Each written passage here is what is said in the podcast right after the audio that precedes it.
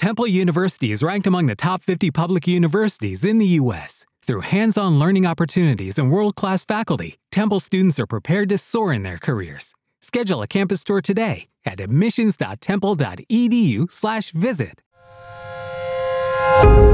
Space X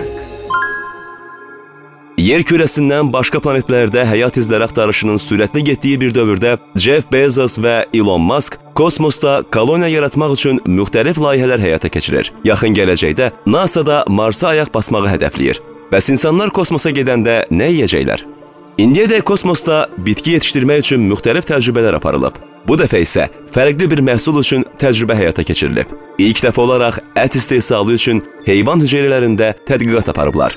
Özəl sektor işçilərindən ibarət bir qrup laboratoriyada heyvan hüceyrələrindən ət istehsalı üzərində araşdırma aparıb. İsrail mərkəzli Aleph Farms adlı şirkət bu təcrübə üçün ilk dəfə beynəlxalq kosmik stansiyanı ziyarət edib.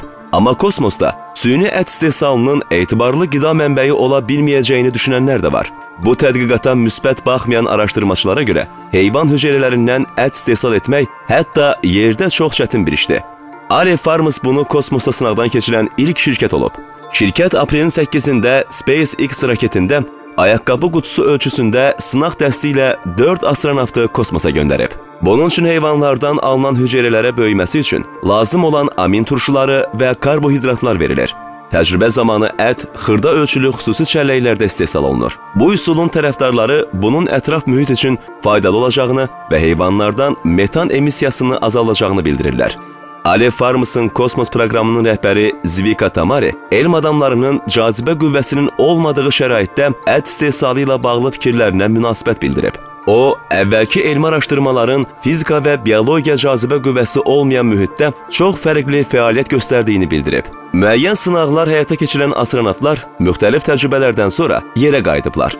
Təcrübə aparılan kiçik çəlləklərdəki heyvan hüceyrələrinin vəziyyəti yaxın günlərdə yaxından araşdırılacaq.